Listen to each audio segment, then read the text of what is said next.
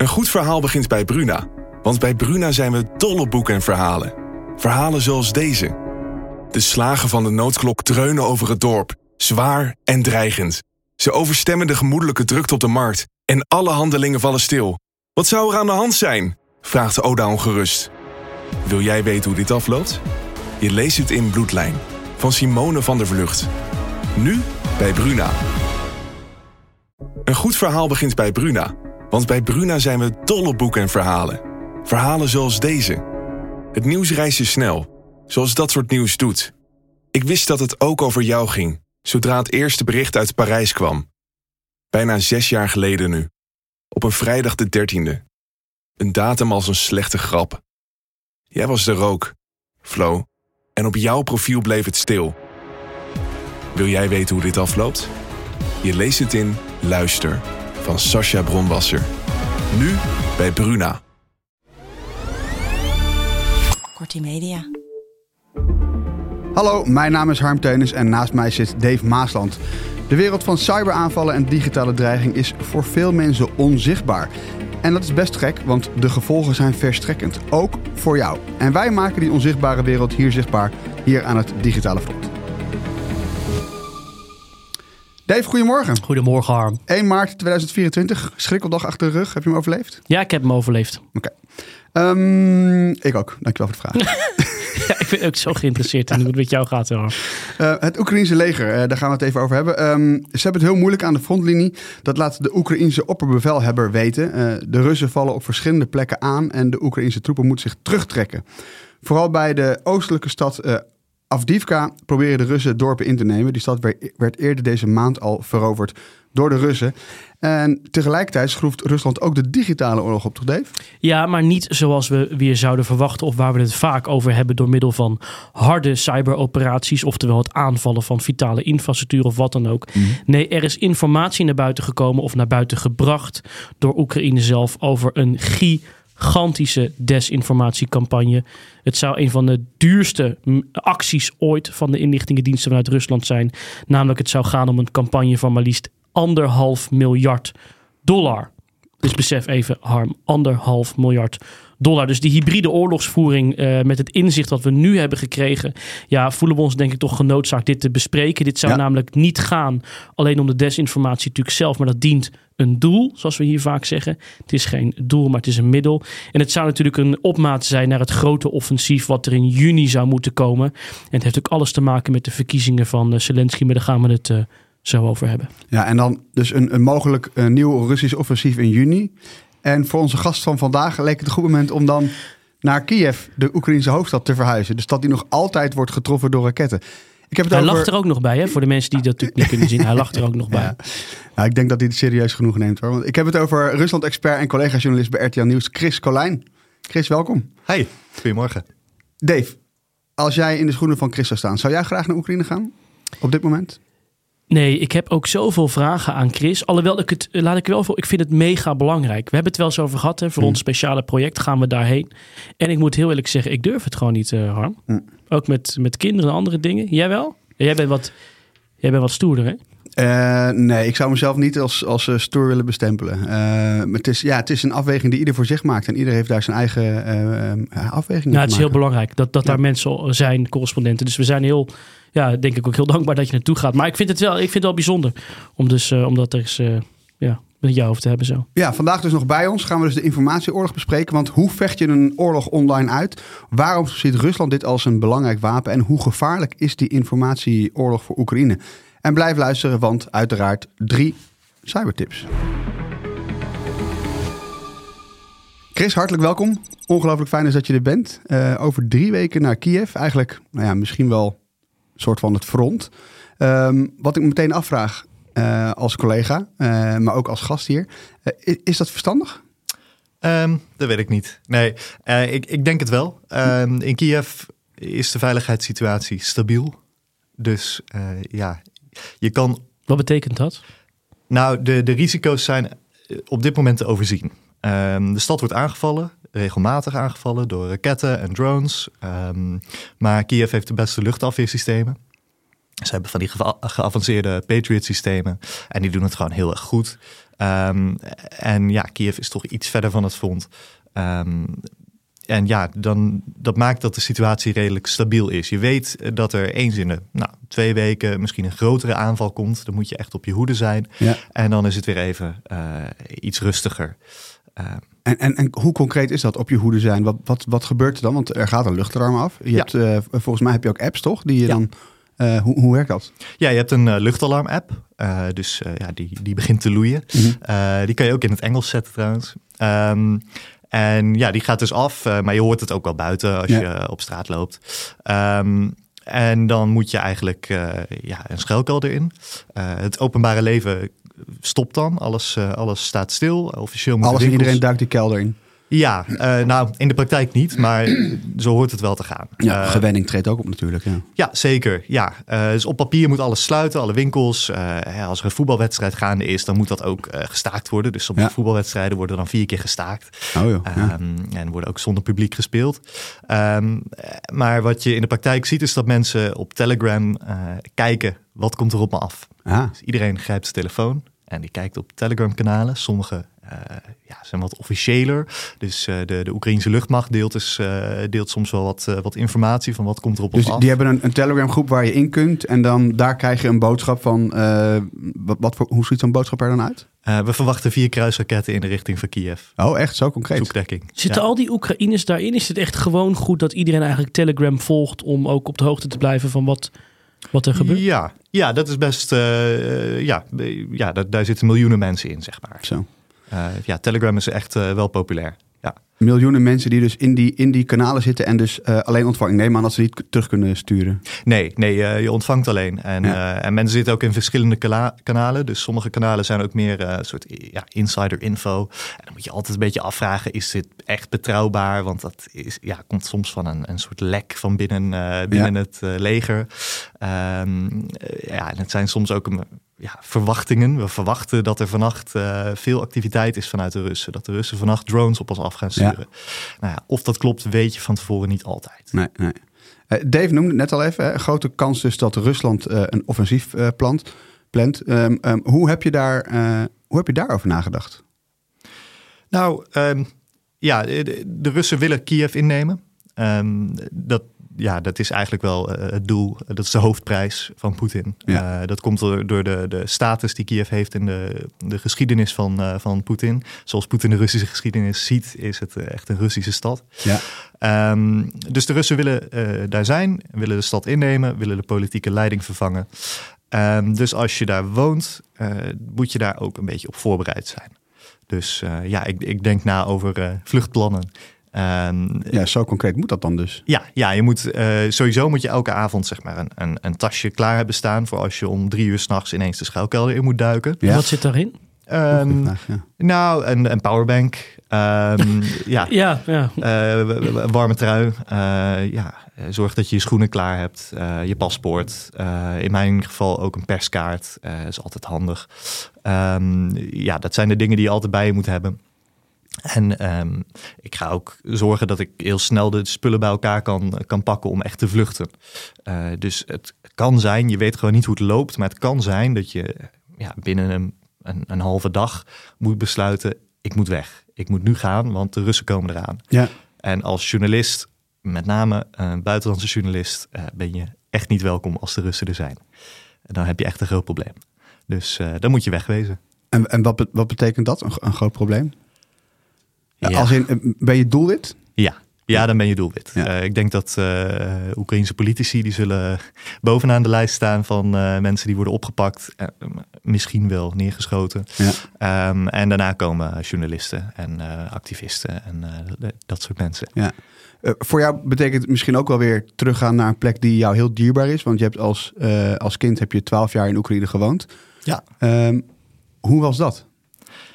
Mooi, leuk. Ehm, ja, dat maakt het ook heel dubbel. Eh, Oekraïne is een fantastisch land. We hebben het nu steeds over oorlog en, en, en hoe gevaarlijk het daar is. En terecht. Maar Oekraïne is ook zoveel meer dan dat. En eh, ja, dat draag ik altijd bij, eh, ja, met me mee. Mhm.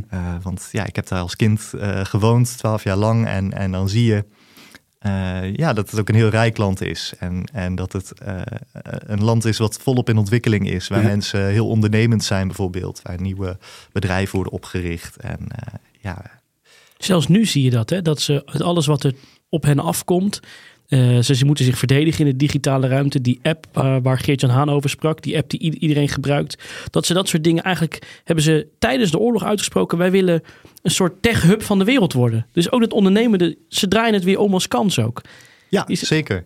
Ja, ja, Oekraïners zijn heel ondernemend, vooral op techgebied. Eh, ja, ze, ze, doen echt hun best om snel problemen op te lossen. En om die, die bureaucratische stappen, dat is eigenlijk... eh, ja, dat komt een beetje uit de Sovjet-tijd, zeggen ze dan. Eh, alle bureaucratie is slecht, dus dat willen we eh, ja, zo, zo klein mogelijk houden.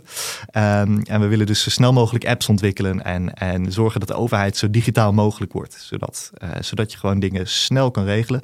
Maar ook zodat mensen bijvoorbeeld belasting betalen. Als dat handig in een app kan, dan zijn er meer mensen die belasting betalen. Daar zijn wij in Nederland nog wel even vanaf dat onze belastingdienst dat kan. Maar ik weet dat er wel ook al eens gesprekken zijn geweest tussen de Nederlandse overheid en Oekraïne om dit soort middelen aan te, te, te, te schaffen.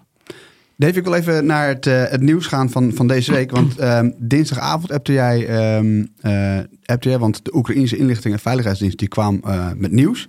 Want Rusland voert dus niet alleen oorlog op de grond, maar ook, eh, is ook bezig met een grootga- grootschalige eh, eh, informatieoorlog. Wat viel je nou op uit het nieuws van die Oekraïnse inlichtingendienst? Nou, ik denk dat dat nieuws ons toch dwingt om een aantal zaken te herzien die wij hier wel eens hebben besproken. Maar laten we even teruggaan. Wat is precies die, die eh, campagne die bekend is geworden?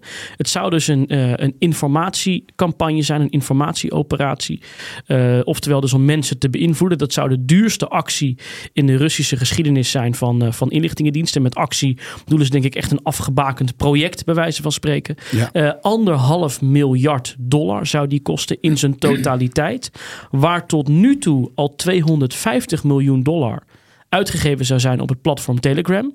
Nou, dan zien we natuurlijk meteen met het verhaal van Chris net in ons achterhoofd. Waarom is dat? Dat is dus niet om een niche doelgroep te bereiken, maar je bereikt op Telegram dus ook juist die gewone Oekraïner die daar zijn informatie vandaan haalt. Die operatie wordt genoemd, eh, Chris weet me, Maidan 3. Maar als ik Ja. dat goed, eh, goed zeg, daar kan ook de achtergrond eh, Chris meer over vertellen. Belangrijk is om te vertellen dat dat sinds november aan de gang zou zijn. En er dus die opmaat is, eigenlijk wat er wordt gezegd, naar het uiteindelijk ja, eh, serieus destabiliseren van de, eh, van de situatie. Om uiteindelijk in juni een grote klap aan te brengen. En wat zo interessant hieraan is, Harm. Misschien is het toch een informatieoorlog. Misschien is het toch een cyberoorlog. En hebben we ons al die tijd in die zin ergens wel verkeken op het feit dat we heel erg gefocust waren op die harde cyberoperaties. hè. Het zal wel zijn om banken plat te leggen. Maar wat ik interessant vond, wat Zelensky, want het komt vanuit het perskantoor van Zelensky onder andere vandaan, dat zij zeggen: vergis u niet, Rusland geeft net zoveel geld uit aan informatieoperaties dan aan conventionele wapens. En de Ja, tactiek. dus, dus, dus stel even, je koopt dus anderhalf miljard aan, aan raketten versus anderhalf aan... Exact, aan ook dit soort. En ik heb even de cijfers opgezocht. In 2024 is het totale budget om eh, eh, het landsbelang te verdedigen, zoals ze dat noemen, geloof ik, 111 miljard. Dus nou ja, eh, bedenk daar even van hoeveel daar dus ook naar campagnes in de digitale ruimte gaan. Dus misschien hebben we Rusland toch onderschat dat hun strategie om het uiteindelijk destabiliseren, want alles lijkt erop dat het zich ook in mei moet gaan concentreren. In mei zou eigenlijk Zelensky opnieuw verkozen moeten worden. Dit is nog onduidelijk, begrijp ik, of daar nieuwe verkiezingen komen. Waarschijnlijk niet. Of misschien wel. En om daar ook op in te spelen van ja, Zelensky gaat straks onrechtmatig regeren. Maar deze campagne ja, is, lijkt op alles de grootste desinformatiecampagne om, eh, om dit, eh, de, ja, Oekraïne te destabiliseren en stappen te maken aan het Ja. front. We zitten nu dus midden in zo'n Russische operatie. Dave noemde hem al eventjes eh, operatie Maidan 3. Ehm, het is de, de meest recente operatie van de Russen in deze nou ja, hybride oorlog. Ehm, voordat ik naar jouw vraag ga, Chris, die ik voor jou heb. Dave, hybride oorlog. Kun je hem nog één keer neerzetten? Ja, hybride oorlog is dus eigenlijk het samenkomen van traditionele oorlog, het vechten op de grond met wapens en pistolen en het gebruik van digitale middelen. Het is niet meer of-of, het is en-en. En sterker nog, vaak heeft een traditioneel wapensysteem ook een digitale component en alle soldaten hebben een telefoon in hun zak. Ja. Dus het is eigenlijk die versmelting van dat alles eigenlijk in de oorlog een digitale component heeft. En we moeten het dus ook steeds minder los gaan zien, denk ik. En Rusland laat dus nu echt zien dat hybride oorlog misschien niet is wat we denken, of in ieder geval de Russische tactiek niet. Maar dat speelt dus ook heel veel af hier in ons hoofd. Mhm. Ja, hybride oorlogsvoering. ook met, om een maatschappelijke impact te kunnen Exact, ik wees naar mijn hoofd trouwens. Ja, precies. Want ik zit eh, dat, dat is de maatschappij, Ja, dat ben jij. Ja, ja. Hey, eh, deze operatie is op dit moment dus nog in, in volle gang. Daarom willen we, eh, of wil ik deze, willen we samen deze er even uitlichten. Chris, wat houdt eh, operatie Maidan 3 precies in?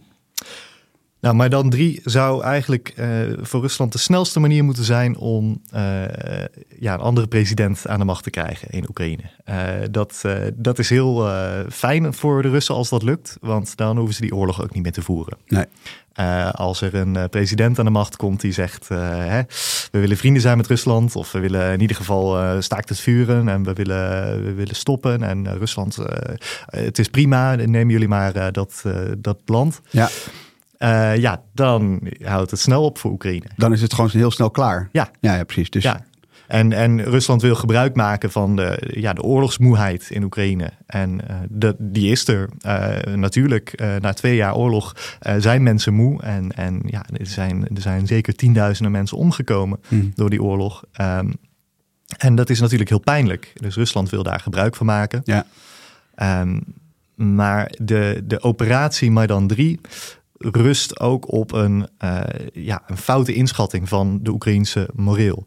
En ehm, ehm, ja, ze, ze gaan er eigenlijk, de Russen gaan er eigenlijk vanuit dat eh, Oekraïne misschien heel moe is. En dat Oekraïners eh, het wel best vinden. Ja. Maar wat je eigenlijk ziet in de Oekraïnse samenleving is mensen willen niet stoppen. Mensen zijn er zich er heel bewust van dat die oorlog niet voorbij is als zij een staakt het vuren nu aangaan. Eh, dat de Russen altijd terug zullen komen. Want de hoofdprijs is Kiev. De Ja. hoofdprijs is heel Oekraïne eigenlijk onder Russische eh, ja, dwang, onder, onder Russische invloedssfeer krijgen. ja. Zou het contraproductief dus zijn, eigenlijk wat je zegt? Zou het juist Oekraïne uiteindelijk al die dingen die zij doen, aanvallen op militaire of civiele doelen, dit soort operaties, motiveert het de Oekraïners juist? Ja, ja nou, Oekraïners lachen er een beetje om. Ehm, ook de naam is best wel, best wel grappig eigenlijk. ja, dat vroeg ik me nog af. Is er een, is er een, is het een betekenisvolle naam? Ja, zeker. Het is een hele betekenisvolle naam. Eh Maidan 1 en 2, eh, dat waren revoluties in Oekraïne. Ehm, dus Maidan 1 was in 2004, 2005, eh, in die winter. En dat was na verkiezingsfraude in de presidentsverkiezingen. Ehm, en toen eh, zijn als gevolg van die revolu- revolutie, eh, demonstraties, eh, zijn er opnieuw verkiezingen gehouden. Ehm, en is ook de uitslag van die verkiezingen veranderd. En Maidan 2 was in 2013, 2014. Eh, dat kennen we denk ik nog wel, dat was tien jaar geleden. Ehm, eh, dat zijn die heftige beelden dat mensen op het Maidanplein in het centrum van Kiev stonden. En ja, werden bekogeld door de Oekraïnse ME. Ehm, en er zijn honderd doden gevallen. Hm. Ehm, en Maidan 1 en 2, dat waren pro-westerse eh, revoluties of demonstraties. Ehm, ja, dus echt anti-Russisch eigenlijk. Maar Poetin ziet dat, of in ieder geval hij communiceert het, alsof die twee eh, Maidans, eh, alsof dat een soort CIA-operaties waren, waarbij de Amerikanen iemand anders aan de macht wilden krijgen in Oekraïne. Ah. Ik weet niet of hij dat echt Ja. gelooft, maar Ja. zo presenteert hij dat wel. Er zit iets wat niet klopt in mijn hoofd. Jij zegt eigenlijk van joh, die Oekraïners die lachen daar een beetje om. Eigenlijk zeggen van nou, die wuiven het een beetje weg. En nou lees ik niet elk persbericht van eh, wat er naar buiten komt van de veiligheidsdienst uit Oekraïne, maar zij brachten dit echt groots. Ook in het bericht, ook op Telegram, zeer serieus. Eigenlijk klonk het als operatie Maidan is misschien wel de grootste bedreiging en de belangrijkste opmaat naar, naar juni. Waarom zet de Oekraïnse regering het zo zwaar aan, maar zeg jij eigenlijk ja, maar de Oekraïners lachen erom? Waar zit dan dat verschil? Ze zetten het zwaar aan zodat mensen luisteren. Ehm, zodat de bevolking doorheeft van hey, hier is wel echt wat gaande. Ja. Wees op je hoede, want de Russen willen de macht. De Russen willen dat Zelensky weggaat. En eh, de Oekraïne is best wel verenigd sinds het begin van, eh, van de grootschalige invasie, dus twee jaar geleden. Ehm, het is echt ongekend eigenlijk hoe, hoe weinig politieke verschillen er zijn ehm, op dit moment in Oekraïne. Ehm, maar ja, zo gauw die eenheid begint af te brokkelen, is er voor Rusland ruimte om daar gebruik van te maken. Die, die, die eerdere Maidan-operaties heb je zelf ook meegemaakt als kind. Ja, klopt. Hoe was dat? Eh, ja, bijzonder. Dat, dat vergeet je niet. Ja, ik was bij de Maidan 1 was ik eh, acht. Ja. Maar mijn ouders namen me mee en eh, zeiden, ah, we gaan kijken. En toen was het vrij rustig. Ja. Ehm, en ze zeiden, ja, kijk goed om je heen en, en onthoud dit maar, want hier gebeurt iets groots. Met die boodschap. Ja, Wat bijzonder. ja, en toen, nou ja, dat, dat, dat hou je wel een beetje Ja, in je. Want er stond een heel tentenkamp in het centrum van de stad. En eh, ja, mensen, mensen hebben daar wekenlang geslapen. En dat was met Maidan 2 eigenlijk hetzelfde. Toen, eh, toen was ik eh, eigenlijk net wegverhuisd uit, uit Oekraïne. Ja. Een half jaar daarvoor. Maar ik kwam rond de, de kerstdagen, oud en nieuw, kwam ik terug om vrienden op te zoeken. Ik was toen 16. En ehm, ja, ik ben toch maar een kijkje gaan nemen. Op Ja. dat moment waren de protesten nog niet. Ja, ze- er was wel wat geweld, maar eh, het, het, het viel mee, vooral toen ik daar was. Ja. Eh, ja, maar dat was heel bijzonder. Echt een, een, een hele aparte sfeer om daarbij te zijn. Wat verwacht je dat die gewone Oekraïner nu van Maidan 3 gaat merken? Hoe verwacht je überhaupt dat deze campagne zich gaat afspelen? Nou, het is de vraag of die zich gaat afspelen. Ehm, en, en hoe dat er precies uitziet. Want daar zijn de eh, inlichtingendiensten niet heel helder over geweest. Ehm, kijk, het kan een soort eh, ja, pure informatieoperatie zijn. Waarbij het doel is om mensen bang te maken. Van hey, dit zou kunnen gebeuren. Ehm, en dan hoeft er eigenlijk nog niet eens heel veel te gebeuren. Eh, het kan wel zijn dat er vanaf maart een, een dynamiek op gang komt waarbij de eenheid op het spel komt te staan in Oekraïne. Waarbij de legitimiteit van Zelensky afneemt. Want Ja, want kan je dat eens uitleggen hoe dat precies zit met die verkiezingen? Want daar lijkt deze operatie zich heel erg op te focussen. Hoe, hoe zit dat precies? Ja, nou officieel eh, heeft Zelensky een mandaat tot en met eh, maart. En, eh, of nou, eh, de, verkiezingen zouden in maart moeten zijn, moet ik zeggen. Eh, dus er, er staan verkiezingen gepland, maar die worden niet gehouden. Want ehm, ja, het land is in oorlog. Dus ze kunnen geen verkiezingen houden. Want je moet je voorstellen, een groot deel van het land is bezet gebied. Daar kunnen mensen niet naar een Oekraïnse stembus. Ehm, en waar dat wel kan, is elke stembus eigenlijk een doelwit voor Russische raketten en drones. Dus Ja. het is niet veilig. Dus dat is een logistiek al een, een, een, een nachtmerrie. Ja, ja het, is, het is echt een logistieke nachtmerrie. Laat Ja. staan dat er miljoenen mensen natuurlijk in het buitenland zitten, Ja. omdat ze zijn gevlucht. Eh, dus dat is eigenlijk niet te doen. Ehm, dus het is best logisch dat Oekraïne geen verkiezingen houdt. Maar aan de andere kant zijn er mensen die eh, altijd kritiek hebben gehad op Zelensky. En ehm, ja, die, die, die zeggen nu ook van ja, je termijn is eigenlijk wel verlopen. Ja. Dus ehm, ja, wordt het niet ook tijd voor verandering? Eh, dus daar zit ook wel een bepaalde spanning in. Ja. En dus de legitimiteit van Zelensky neemt daardoor een klein beetje af. Wat, wat is het alternatief voor het niet houden van verkiezingen? Of als, als, als in het alternatief voor het wel houden van verkiezingen bedoel ik, sorry.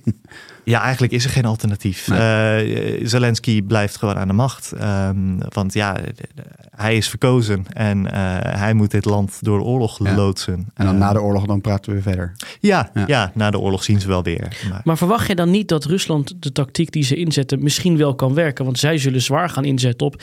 Dit is een president die niet verkozen is. Hij kiest ervoor aan de macht te blijven. Hij leidt jullie hè, door.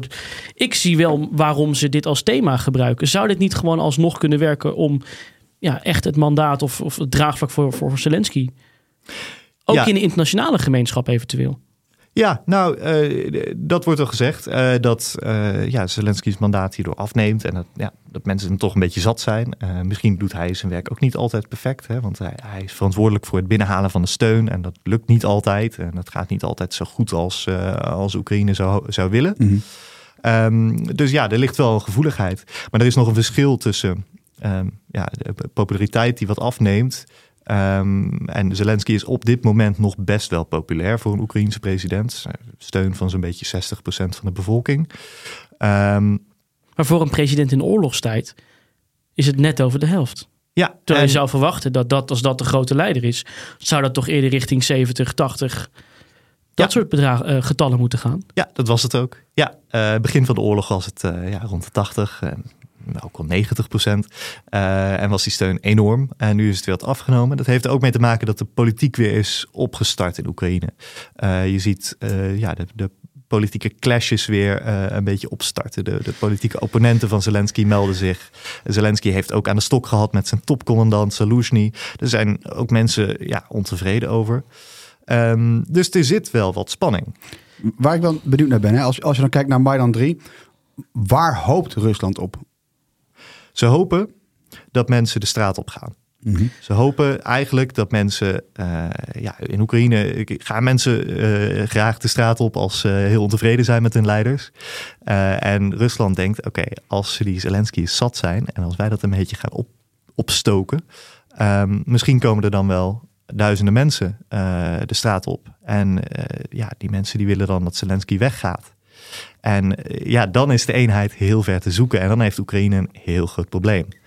Dat wil Rusland. En op welke manier? Want ik, zeg maar, dit is dan het doel.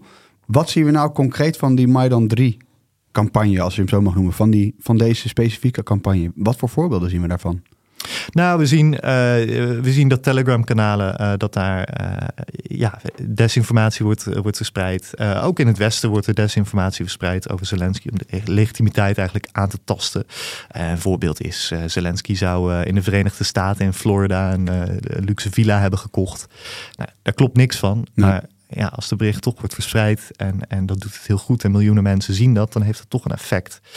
En er zal toch een bepaald percentage van de mensen zijn die, die dat gelooft. En ook binnen Oekraïne eh, ja, gaan er dat soort verhalen rond. Eh, en worden ook de, de, de spanningen in de, eh, in de top in Oekraïne worden uitvergroot. Ja. Dus, de, ja, in, in, in de iets meer pro-Russische Telegram-kanalen worden, worden die echt heel groot gemaakt. En wordt er gezegd, nou kijk, de- de- het land is stuurloos. Polariseren. Ja, Ja. polariseren. Is dat, is dat dan een opvallende strategie? Als in, zi- zien we Rusland dit al langer doen? Even los van Oekraïne, andere gebieden misschien? Ja, dit is, eh, dit is bij uitstek eh, een, een strategie die, eh, die Rusland al langer handhaaft. Ja, je ziet het in, in de Russische beïnvloedingscampagnes in het Westen. Ehm, dat, ja, dat er gebruik wordt gemaakt van bestaande spanning, Mhm. bestaande verdeeldheid. En dat Russen proberen om dat zoveel mogelijk uit te vergroten. En ze willen ook het andere narratief vertellen. Zo presenteren ze dat in het Westen Ja. vaak. Ja. Ja, jullie proeven misschien al een beetje wat ik aan het, aan het doen ben. Eh, en dat is niet omdat ik een doemdenker ben of dat ik eh, wil pretenderen dat... Je zei net van joh, het is maar de vraag of Maidan 3 echt tot uiting, tot uiting komt. En ik wil misschien toch, waar ik enorm voor wil waken, is dat we wederom Rusland onderschatten. En als je eens naar die puzzelstukjes nu kijkt, je zegt die 60%, dat is eigenlijk niet zo heel erg hoog. Ik zie wat Oekraïne volgens mij schrijft, is dat is toch een relatieve noodklok. Luister jongens, een opmaat, er gaat in juni iets komen. We hebben het moeilijk aan het front. We weten niet of we het kunnen houden. Berichten in nu.nl, Bloomberg, ze brengen naar buiten dat ze het heel zwaar hebben. Echt internationale steun. Om dan nu te zeggen, maar nu moeten lijkt behalve Macron, die natuurlijk wel eh, stevige woorden gebruikt, maar volgens mij vertaalt dat niet in wapenleveranties. Er is daardoor enorme verdeeldheid in het Westen. Gaan we wel of niet grondtroepen? Is gewoon om, om te zorgen dat we niet onderschatten, is deze operatie niet gewoon succesvol? Wat ze aan het doen zijn. Steun lijkt af te nemen. De echte steun komt er niet. Er is steeds meer verdeeldheid. De cijfers van Zelensky nemen inderdaad af. We denken allemaal, nou, het zal misschien zo'n vaart niet lopen tot misschien wel een groot offensief komt. Is deze operatie niet gewoon een succes, Chris? Het kan een succes worden. Het zou kunnen. Maar de Russen onderschatten ook vaak wat Oekraïners eh, denken en willen. Hè, de Russen toen ze aanvielen, eh, dachten ze, nou, we pakken Oekraïne wel even. Hè, we, we nemen Kiev wel even in.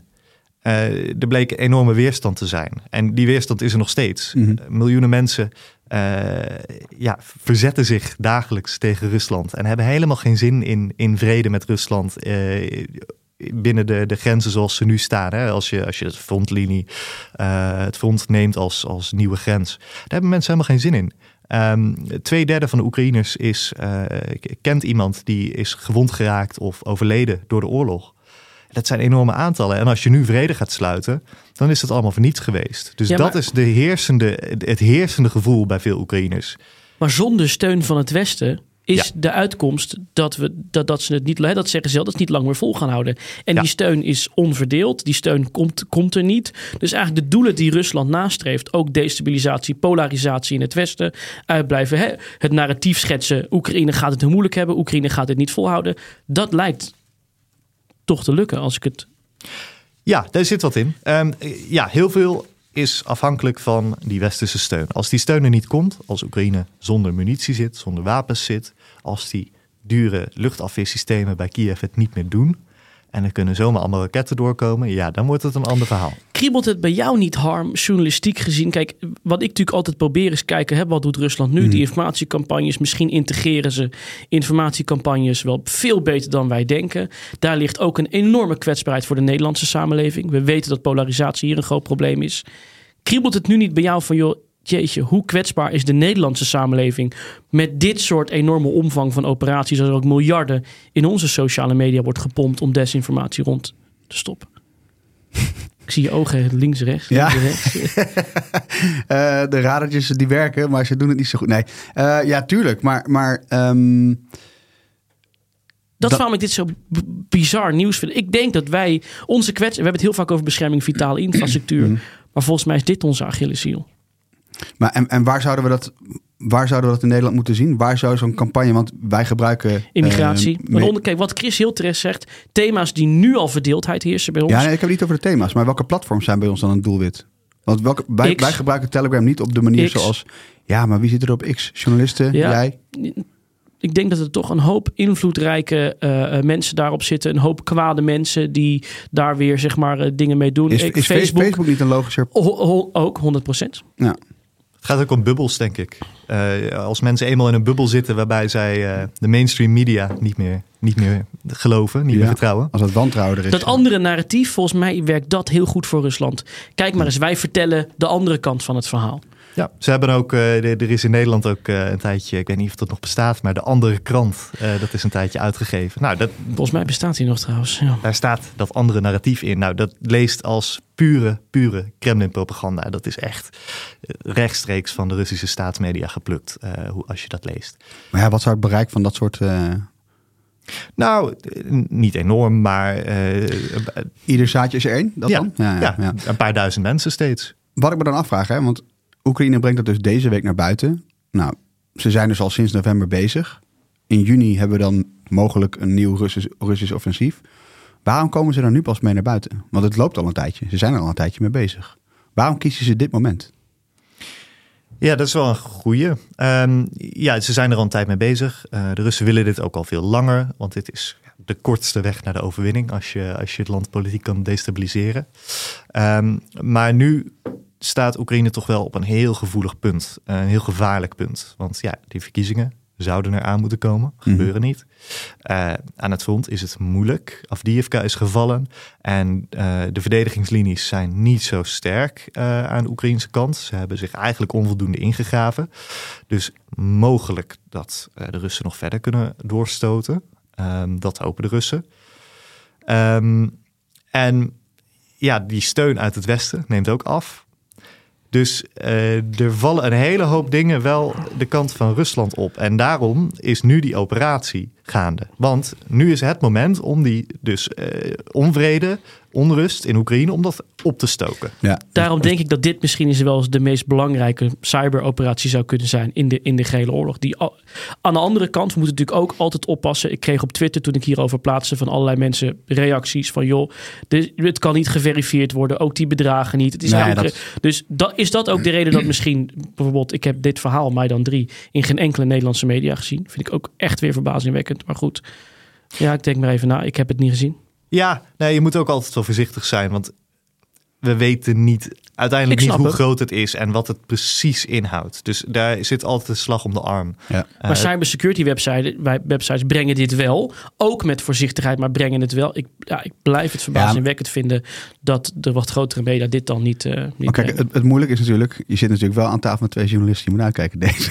Oh ja, nu zit... Nu kijk, kijk ze allebei kijken uit die, die ooghoeken. Nou ja, kijk, het, het moeilijke is natuurlijk wel, het, is precies de, je geeft het zelf ook al aan, het is natuurlijk de, de Oekraïense eh, eh, diensten die komen met deze boodschap en die hebben daar een, eh, een doel bij.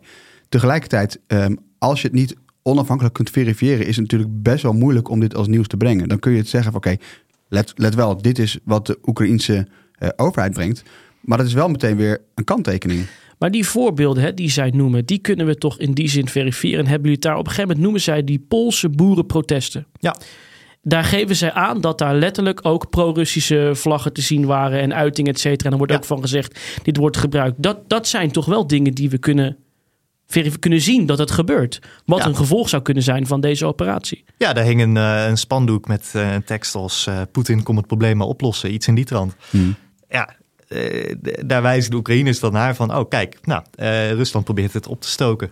Ehm, en dit zijn allemaal, dit noemen de Russen IPSO's, dit zijn eh, informationele psychologische operaties. Dit zijn allemaal tactieken om de, de, de moreel aan te tasten. Om te zorgen dat mensen bang worden. Dat mensen denken, oeh, misschien is het toch wel wat aan de hand. Misschien zijn we toch niet verenigd. Misschien doen we het slecht. Want Harm, jij hebt een heel groot stuk uitgebracht over natuurlijk iets eh, burgers, activisme, andere dingen. Dus het is niet Ja. zo dat jullie daar niet zo over schrijven. Dus ik Nee, wil die nee. nog daar nog even voor in, in het zonnetje zetten. Lees het artikel even. voor. Maar het- ja, ik blijf het toch verbazingwekkend vinden dat Ja. we dit niet durven duiden. Omdat we misschien dan wel, terwijl we allemaal weten ja, wat er aan de hand is. Ja, ik vind het toch verbazingwekkend. Maar, ja, maar, zeg maar Weinig het, lef. het werk op een nieuwsredactie is, is, is, is een...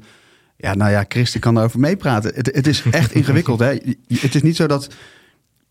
Oké, stel je even voor. S ochtends heb je een vergadering met eh, twaalf journalisten. Twaalf, gewoon twaalf mensen, twaalf collega's. En iedereen heeft onderwerpen, brengt onderwerpen in, in een vergadering. Ja, het kan, het kan honderd reden, redenen hebben waarom jouw on- onderwerp het, eh, de website of het half acht nieuws of het zes uur nieuws niet haalt. Dat kan zijn het algemene nieuwsaanbod. Kan zijn, het kan zelfs zoiets beroerd zijn als dat je gewoon een hele slechte pitch had. Hè? Ja. Dus ja, het, is echt heel ingewikkeld. Maar ik snap. Zal ik hem maken of niet? Ja, doe maar. Nee, nee ja, dan zou het dus ook kunnen liggen aan journalisten zoals jij die niet de urgentie goed overbrengen over jongens. Dit wordt, hè, we hebben het Mhm. al twee jaar lang over cyberaanvallen. Het gaat over het neerhalen van satellieten. Het gaat over Kyivstar. Ja. Dat is op elk nieuwsitem. Ja. Maar wat wordt gezegd de belangrijkste operatie, daar zeggen we dan niets over. Nee. Ehm, maar Chris, Maidan 3, zou, zou dit dan een opmaat eh, eh, zijn naar het offensief? Zie jij dat ook zo? Nou, het zou kunnen samenvallen Ja. met, een, met een offensief. De Russen Ja. willen doorstoten. De Russen eh, eh, ja, willen in de aanval. Oekraïne moet in de verdediging. Mhm. Ehm, dus Rusland wil eigenlijk alles tegelijk doen. Om ge- maximaal gebruik te maken van de situatie. Ja, dus Eh, echt dat hy- hybride Ja. systeem eigenlijk. Ja, als je en mensen bang maakt en successen boekt op het slagveld en je laat de westerse steun afnemen, Ja. nou, dan heb je een combinatie te pakken. Voelt wel als een kruispunt. Ik- Ja, dat denk ik Ja. ook, ja. Eh, we hebben het in de vorige aflevering best wel uitgebreid gehad over hoe Oekraïners omgaan met desinformatie. Eh, Chris, je hebt natuurlijk ook vrienden eh, wonen in Oekraïne. Wat krijgen zij te horen over dit onderwerp, hy- hybride oorlogsvoering? Het is natuurlijk niet, ik weet niet of die term dan ook zo ge- gebezigd wordt, maar wat krijgen ze over deze campagnes, de combinatie van die campagnes te horen? Nou, ehm, ja, ze, ze, ze horen wel over hybride oorlogsvoering. Eh, daar is iedereen zich van bewust. Iedereen is zich heel erg bewust van hoe, hoe media en hoe informatie wordt gebruikt. Ehm, en Oekraïners eh, zijn zich ook wel van bewust dat, dat de waarheid vaak ergens in het midden ligt. eh, dat het een oorlog is. Dus alle Zijn het ratje nuchtere mensen wat dat betreft? Of hoe, hoe kan je dat omschrijven? Hoe zij... Ja, het is natuurlijk niet één type mens, maar eh, ja, de mensen die ik ja. eh, veel, veel spreek, die zijn, de- die zijn er heel nuchter onder. En eh, ja, die zeggen, kijk, als, eh, hè, als er een Maidan 3 zou gebeuren, dan zouden wij een soort tegendemonstratie misschien beginnen. Of dan, dan zouden we dat proberen tegen te houden. Dat laten we niet zomaar gebeuren. Ja. Ehm, zo is het ook wel weer. En er zijn in Oekraïne heel veel kritische journalisten die zich ook ehm, ja, hiermee bezighouden. Die, die eh, onderzoek doen naar, eh, naar operaties van de Russen. Die dat proberen te ontmaskeren. Eh, en die ja, de waarheid boven tafel willen krijgen. En op die manier ook de, de macht van desinformatie teniet willen doen. Een van de dingen die ze natuurlijk willen, hè, is dus nou ja, eh, dat hele eh, idee van ehm, eh, mensen die in opstand komen, Maidan 3, een, der- een derde Maidan. Ehm, in die hybride oorlogsvoering en die verspreiding van desinformatie, wat, wat, voor, wat voor berichten lees je dan? Als ik, ik probeer me dat dan voor te stellen dat, nou je hebt dan zo'n Telegram groep of iets wat je dan volgt. Wat zou dan een voorbeeld zijn van een bericht dat ik zou lezen als ik daar zou zijn? Of als ik daar zou wonen? Nou, je kan denken aan ehm, eh, berichten als eh, het front stort in. Uh, Oekraïnse manschappen hebben het, uh, hebben het koud um, en hebben niet het materieel om zich goed te verdedigen. Oh, er zijn geen kogels meer en de Russen bombarderen ons dag en nacht. En wij is het eigenlijk voor nodig. Mm. Um, vergeet niet, er waren ook tot het begin van de oorlog uh, pro-Russische uh, politici uh, in Oekraïne. En ja, die, die benadrukten altijd van ja, we kunnen ook vrienden zijn met de Russen. Ja. En ja, dat soort berichten en, en, en zo'n publiek, dat is er nog wel. er zijn mensen gevoelig voor. mensen die denken, ja, waar is dit allemaal voor nodig? weet je, waarom moet mijn man, mijn, mijn zoon in het leger en vechten? Ja. Natuurlijk zijn er mensen die daar weerstand tegen hebben. En, Ja. en dat willen de Russen dan uitvergroten. En dan zeggen ze, je hoeft niet te vechten. Hey, het, Rus- het Oekraïnse leger stort in. Amputuur maar een been, nou, wat we vorige Nou, week bespraken. ja. het zijn natuurlijk die krankzinnige berichten weer, maar dat is dezelfde thema's die ze aansnijden. Ja, Ja. ja. Dave, dit is denk ik eentje die jij ook kunt beantwoorden. Ik ben, ik ben ook zo benieuwd. We hebben het nu natuurlijk heel erg over eh, hoe, hoe Oekraïners worden geraakt. En het zijn ehm, aangrijpende voorbeelden. Ik kan me echt goed voorstellen dat dit een bepaald effect heeft. Ehm, maar op welke manier wordt het Westen geraakt door die informatieoorlog? Nou, dan kom je terug bij de letterlijke bestaansreden van deze podcast. Het digitale front, Harm, ik pak hem er even uit, zit gewoon in je broekzak. Hè? Ja.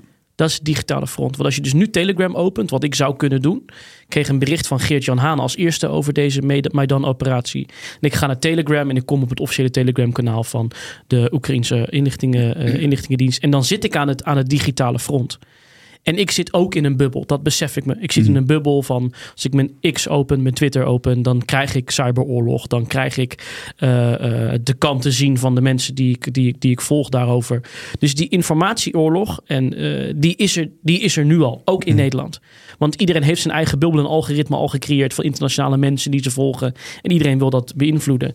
En dat is waarom ik hier zo ik, ik- ben niet naïef, hè, denk ik, dat dit er niet was. Maar waarom ik nu opeens een soort extra urgentie wil creëren, is dat ik denk dat we veel te veel hebben gefocust op de harde kant van cyber. En we hebben het over wetgeving die eraan komt en hele heftige cyberoperaties. Maar wat we dus nu zien, is dat het wel eens de zachte kant zou zijn. En die platformen gebruiken wij, gebruiken we ook. Dus ik denk dat we, er al, dat we die informatieoorlog al, eh, al elke dag zien. Ja, vind- ja, ja. ja, daar ben ik het helemaal mee ja. eens. Ja. Ehm, er is een uitspraak van de Oekraïnse inlichtingendienst die mij eh, bijblijft. Ehm, Ukraine has urged its Western partners and its own citizens to resist the spread of Russian disinformation and enhance their security measures to effectively counter the challenges posed by a new world hybrid war. Ja, ik snap wel dat je deze uitkiest. Ook even die laatste woorden. A new world hybrid war. En je zou inderdaad met een hele negatieve bril op kunnen zeggen dat we eeuw in die world hybrid war zitten. Omdat in elk land die informatie zich plaatsvindt. En wat ik in andere landen zie gebeuren, is staatssecretarissen of functionarissen die roepen hier wat over. Ik zou ook de urgentie die ik nu voel, het ook wel eens fijn vinden als iemand uit de Nederlandse overheid zich hier wat meer in brede zin over, over uitspreekt. Ik vind dit echt een eh, stevige uitspraak. Ja. Chris? Ja, dat wordt eh, ja, in veel landen eh, uitgevochten, die, die oorlog. En dat zien we ook al langer. Hè. Eh, Denk aan de trollenfabriek, waar eh Yevgeny Prigozhin, de, de leider van Wagner, destijds al achter zat. Ehm, ja, dat zijn methodes waarop Rusland eigenlijk in het buitenland iets wil bewerkstelligen door informatiecampagnes. Ja. Test het maar eens, Harm. Ik zit nog met jouw vraag van, ja, wat merken we van die informatieoorlog? Kijk maar eens als jij een tweet plaatst wat enigszins neigt naar hè, pro-Oekraïns of wat dan ook. Wat voor reacties jij onder je tweet krijgt. Van mensen met twee volgers, drie volgers. En dat, er zullen ook echte mensen bij zitten. Maar dat er bots actief zijn op sociale Ja, media, het- dat is ongekend.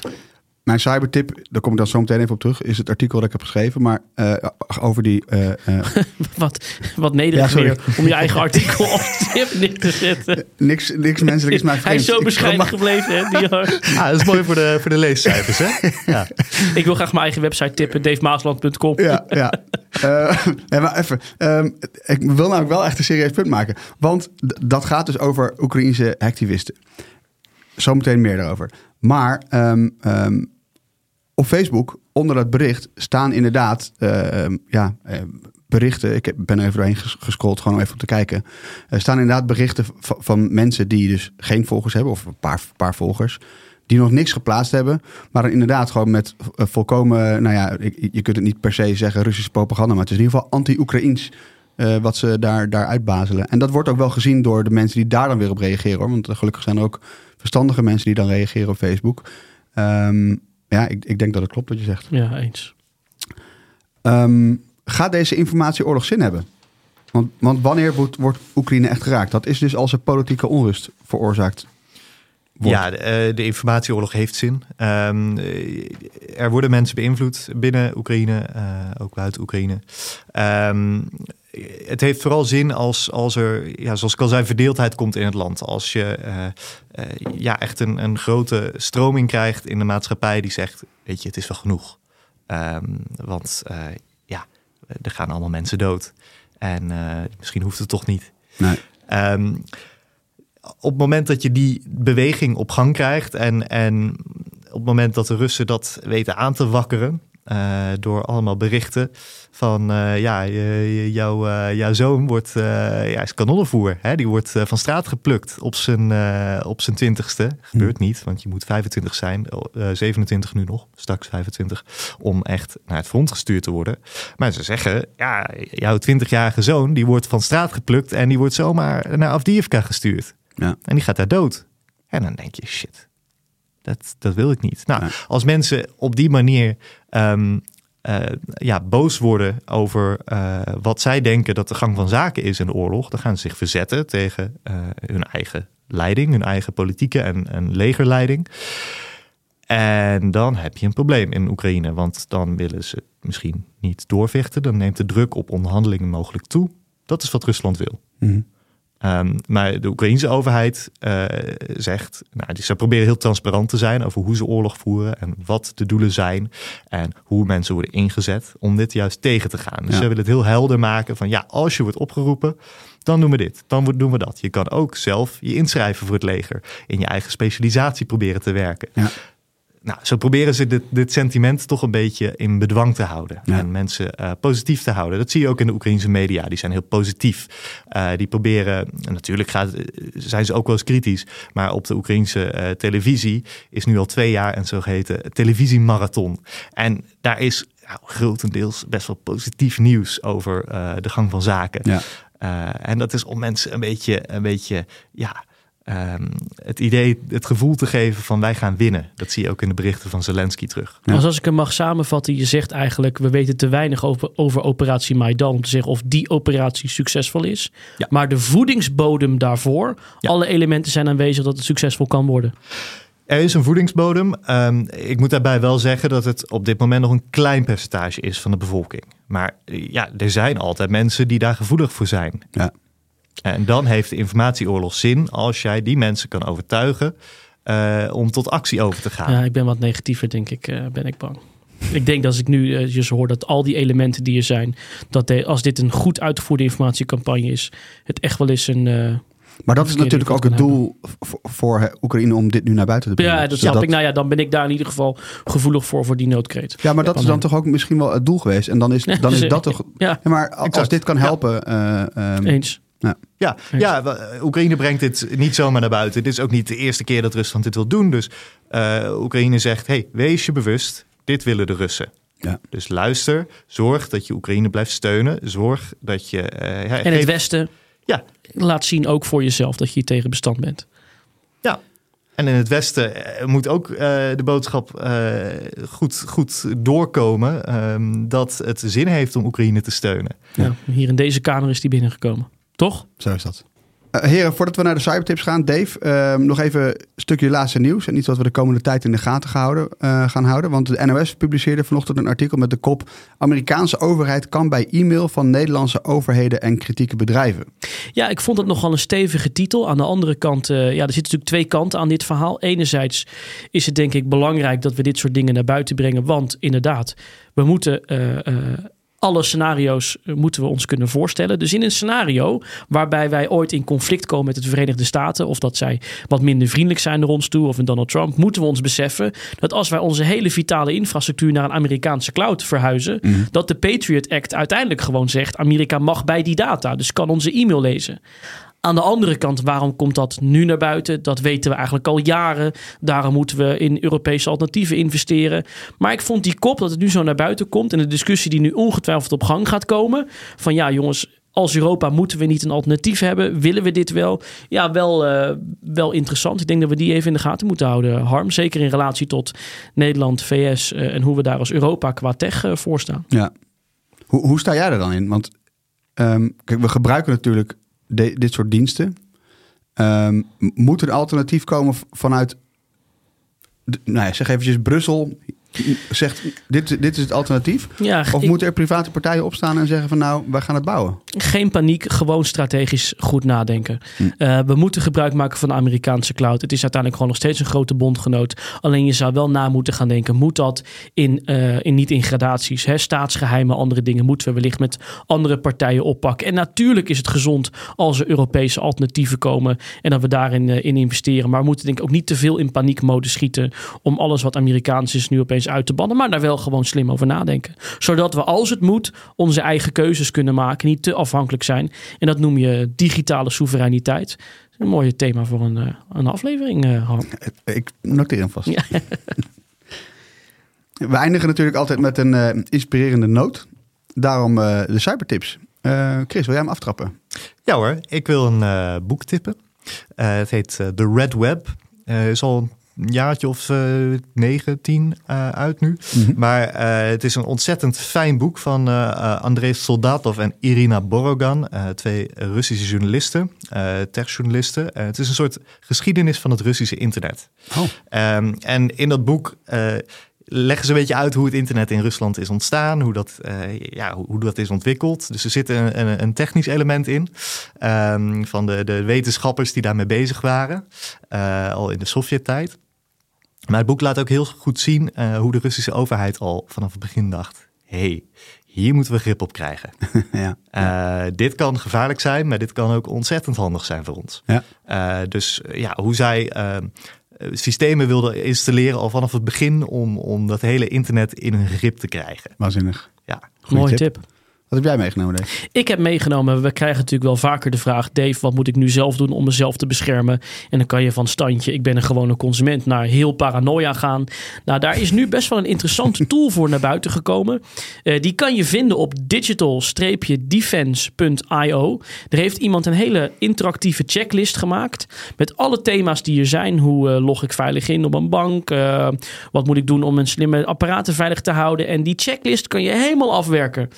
256 dingen die je zou kunnen doen. Het is een Amerikaanse checklist. Dus er staan ook dingen bij als betaal altijd met cashgeld, want dan word je niet getraced bij bepaalde diensten. Soms ja. gaat het wat ver, maar die checklist is wel heel fijn om voor jezelf eens door te lopen van je, wat zijn er de dingen die je kan doen? Het gaat echt nog een stapje verder dan de eerdere dingen die we gedaan hebben. Dus digital-defense.io als je eens aan je slag wil met je eigen persoonlijke veiligheid. Hm. Nou, en nu tijd voor een schaamteloze plug van Harm Teunis. Daar komt hij.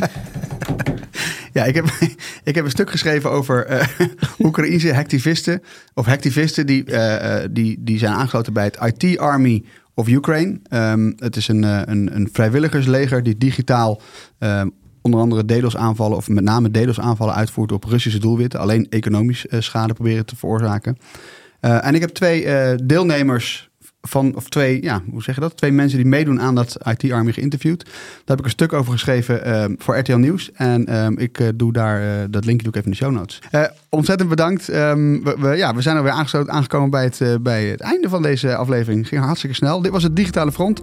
Wij zijn Harm Teunis, Dave Maasland en naast ons zit Chris Colijn, Rusland-expert en journalist. Chris, dankjewel dat je er was.